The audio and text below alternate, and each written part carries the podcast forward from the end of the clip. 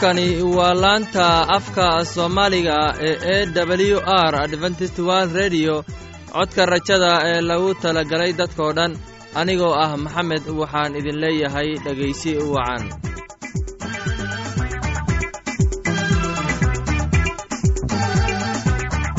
Barnaamijyadeena maanta waa laba qaybood. Qaybta koowaad waxaad ku maqli doontaan barnaamijka caafimaadka wuu inoo soo jeedinayaa maxamed kadib waxaa inoo raacaya cashar inaga imaanaya bugga nolosha uu inoo soo jeedinayo cabdi. Labadaasi barnaamij ee xiisaha leh waxaa inoo dheer heeso daabacsan oo aynu idiin soo xulnay kuwaasoo aynu filayno in aad ka heli doontaan. Dhegaystayaasheenna qiimaha iyo khadradda lahow waxaynu kaa codsanaynaa in aad barnaamijkeenna si habboon u dhegaysataan. Haddii aad wax su'aalaha qabto ama aad haysid wax taro ama tusaale fadlan inala soo xiriir dib ayaynu kaaga sheegi doonnaa ciwaankeenna.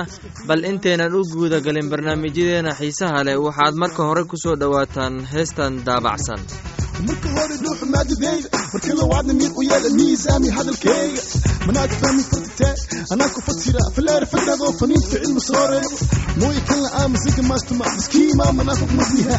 تاج ممكن تاسو قلي مال مجهة حنوك ما تنهست حلا عليه حال خرب هواه من كي كام كواه لعكتي توكي واه جيب كي ترضاه علم خير من مدير يوس ما يسقابل لوا تقني دو خيق ليك اهل بكو واكلات وي دادي هيسوها دي دا إدون تألوا سي دور دي ما دي دادي دي وكاكوا خلت فهمي كان أكسا أدي خوم كل مدى قلبي قلبي خوب بشي هاكو داغ دوغي سبستر سوي أبي تي بان كوت الآن بروسو بين هواز كبر كيس إلى قريت كامل يلي ها نبيلي واي ويحي كاني وابسي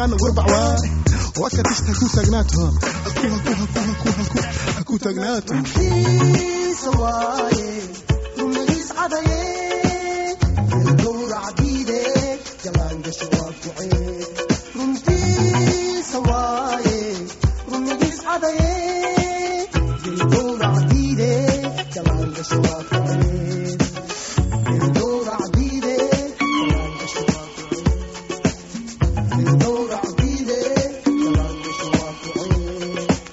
قلانك شراك عيب منين ما ماددين ملاي بنامي ماد محالة كنتا مناس أخي مودي عيرا قاطع علمك سهاي عذاب واي انتو عارف أنا مسكين أنا هاي مرودي سماوي الهاي مصروف كل ميسك صارها مرة جاي هيل مش شفنا فريس هيل ماد بينكو هايني مرة حدي مبيال كان باهي هيل بمبرسكوت بيعي هاي أنا محافة لي وهريفي حكو ديق زوجي سبسر سوي أبيتين بالمكوت الآن بول سوي بينها وايس دبرتيسة تيسا إلا قريت كامل يلي ها يبيلي واي وحي كاني وابسي أنا واربع واي وكا تشتا كوتا قاتها هكو هكو هكو هكو هكو هكو تاقنات رمسيس سواي رميس عدايا الدور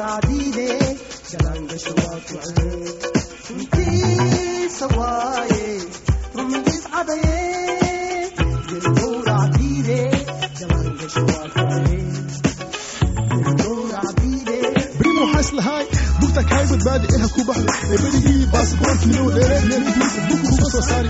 Malarka heer abarkaana ku dhigaa bilaash. Bir bartiisa lagu dilaa bakiil maalkiisa. Biritaanina askeeni obooskayso beeciga boota banaankiga gee bacmarobada kuushwaa borsaada banaanka dhigaa beri dhaaxdig baasi heesi beri waa baxaa baasi ma arkaay haku deeqa dooge isbasrisooy abitee baalankuuti la'aan buusoo john the baptist dhegaystayaal maanta waxaannu ka hadli doonnaa cashar ku saabsan kitaabka quduuska oo ah yooxana babtiisaha goortii yooxana xabsiga ka maqlay shuqulladii masiixa ayaa laba xertiisii ahayd ayuu u soo diray oo ku yidhi miyaad tahay kan imanaya mise mid kale ayaannu dhowrnaa? Markaasaa ciise u jawaabay oo ku yidhi taga oo yooxana uga warrama waxaad aragteen iyo waxaad maqasheen. Kuwii indhaha la'aa waxbay arkaan. Kuwii lugaha la'aana way socdaan. Kuwii baraska qabayna waa la nadiifiyey. Kuwii dhagaha la'aanna waxbay maqlaan. Kuwii dhintayna waa la kiciyey. Masaakiintana injiilka waa lagu wacdiyaa. Oo waxaana barakadaysan kan aan iga xumaanin. Markay tageen ciise wuxuu bilaabay inuu dadkii badnaa wax uga sheego yooxana oo wuxuu yidhi maxaad cidlada ugu baxdeen? Ma waxay ahayd in aad soo aragtaan cawsduur dabayli ruxayso laakiinse maxaad u baxdeen? Ma waxay ahayd in aad soo aragtaan nin dhar jilicsan qaba kuwa dharka jilicsan qaba waxay joogaan guryaha boqortooyada. Laakiin maxaad u baxdeen? Ma waxay ahayd in aad nebi soo aragtaan? Haa waxaan idinku leeyahay mid nebi ka sarreeya kanu waa kii laga qoray. Eeg waxaan hortaada soo dirayaa wargeeyahayga. Kan jidkaaga kuu sii diyaargarayn doona hortaada. Runtii waxaan idinku leeyahay intii dumar ka dhalatay mid yooxana baabtiisaha ka weyn kama dhex kicin laakiin kan boqortooyada jannada ugu yar ayaa ka weyn. Tan iyo wakhtigii yooxana baabtiisaha boqortooyada jannada waa la xoogayn oo kuwii xoogayna ayaa qaatay.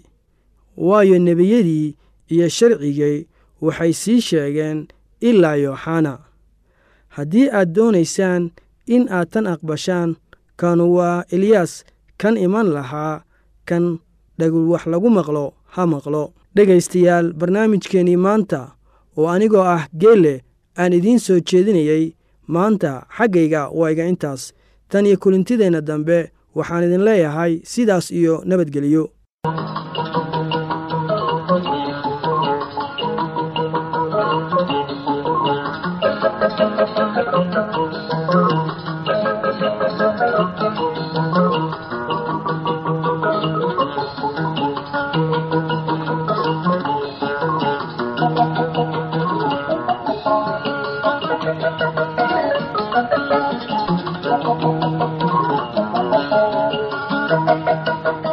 waxaan filayaa in aad si habboon u dhegaysateen casharkaasi. Haddaba haddii aad qabto wax su'aal ah oo ku saabsan barnaamijka caafimaadka fadlan inala soo xiriir ciwaankeenna waa codka rajada sanduuqa boostada afar laba laba lix todoba nairobi kenya. Mar labaad ciwaankeenna waa codka rajada sanduuqa boostada afar laba laba lix todoba nairobi kenya. Waxaa kaley nagala soo xiriiri kartaan emeilka somali e w r at yahu dt com mar labaad imeilka waa somali e w r at yahu com. Haddana waxaad mar kale ku soo dhowaataan heestan daabacsan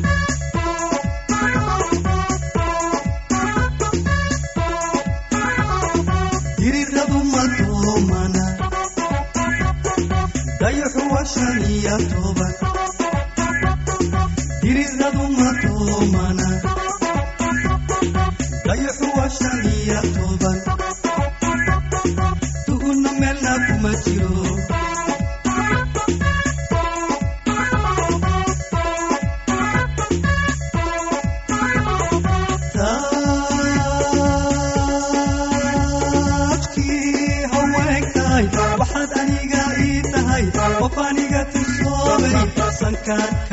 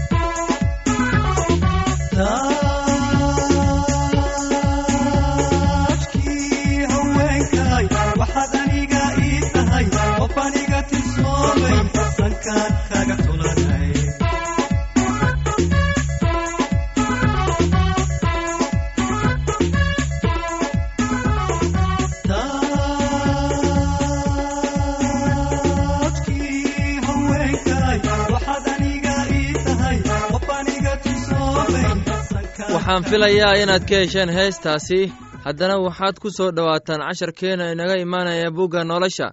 Casharkeenna wuxuu ku saabsan yahay wax- waxyiga buugga ama kitaabka quduuska. Waxaana inoo soo jeedinayaa cabdi ee dhegeysi wacan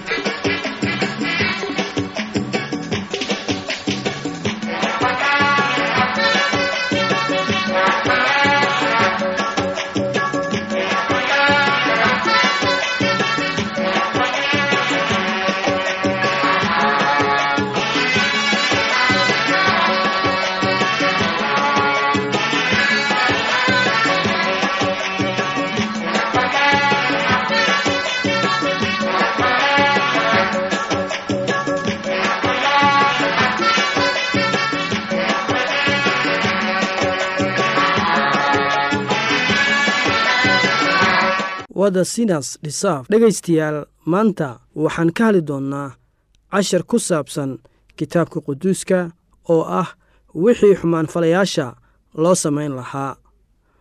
Oo haddii walaalka kugu dembaabo u tag oo canaano adiga iyo isaga keli ahaantiinna haddii uu ku maqlo walaalkaa waad soo ceshatay laakiin haddii uu ku maqli waayo mid ama laba kale wado si hadal walba loogu adkeeyo afka labo ama saddex. Markhaati oo hadduu iyaga maqli waayo dadka kiniisadda u sheeg oo hadduu dadka kiniisadda maqli waayana ha kuu ahaado sida qof aan ilaah aaminin iyo wixii aad dhulka ku xidhaan ayaa jannada ku xidhnaan doona. Oo wax alle wixii aad dhulka ku xirtaan ayaa jannadana ku xirnaan doona oo wixii aad dhulka ku furtaan ayaa samadana ku furnaan doona. Weliba waxaan idinku leeyahay haddii labo idinka mid ahu dhulka ku heshiiyaan wax kasta oo ay baryaan way uga noqon doontaa xagga aabbahayga jannada ku jira. Waayo meeshii labo ama saddex qof ay magacayga isugu soo ururaan halkaas ayaan aniguna dhexdooda joogaa. Markaasaa butros ayaa u yimid oo ku yidhi sayidow imisa goor baan cafiyaa? Walaalkay haddii uu igu dembaabo ma ilaa toddoba goor baa. Ciise ayaa ku yidhi kugu odhan maayo ilaa toddoba goor laakiin ilaa toddobaatan goor oo toddobaatan ah. Sidaas daraaddeed boqortooyada jannada waxaa loo ekaysiiyaa nin boqor ah oo doonay in uu addoommadiisa ka xisaab qaato. Goortuu bilaabay inuu xisaab qaato waxaa loo keenay nin toban kun oo talanti ah uu ku lahaa laakiinse wuxuu ku bixiyo ma uu haysan markaasaa sayidkii wuxuu ku amray in la iibiyo isaga iyo naagtiisa iyo carruurtiisa iyo wixii uu lahaa oo dhan oo lagu bixiyo. Dhegaystayaal barnaamijkeennii maanta waa naga intaas. Tan iyo kulintideenna dambe anigoo ah geelle waxaan idin leeyahay sidaas iyo nabadgelyo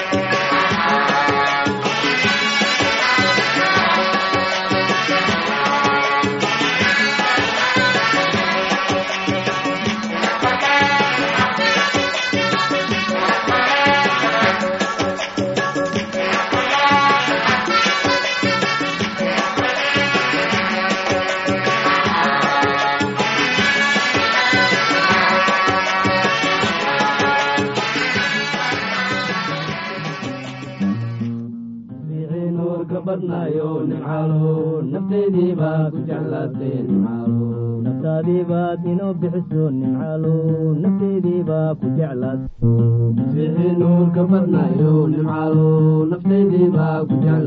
nimcaalo jeegaad naga nadiifisayo nimcaalo nafteydii baa ku jeclaatay nimcaalo nuurka ku nartiibaad naga najaysayo nimcaalo nafteydii baa ku jeclaatay nimcaalo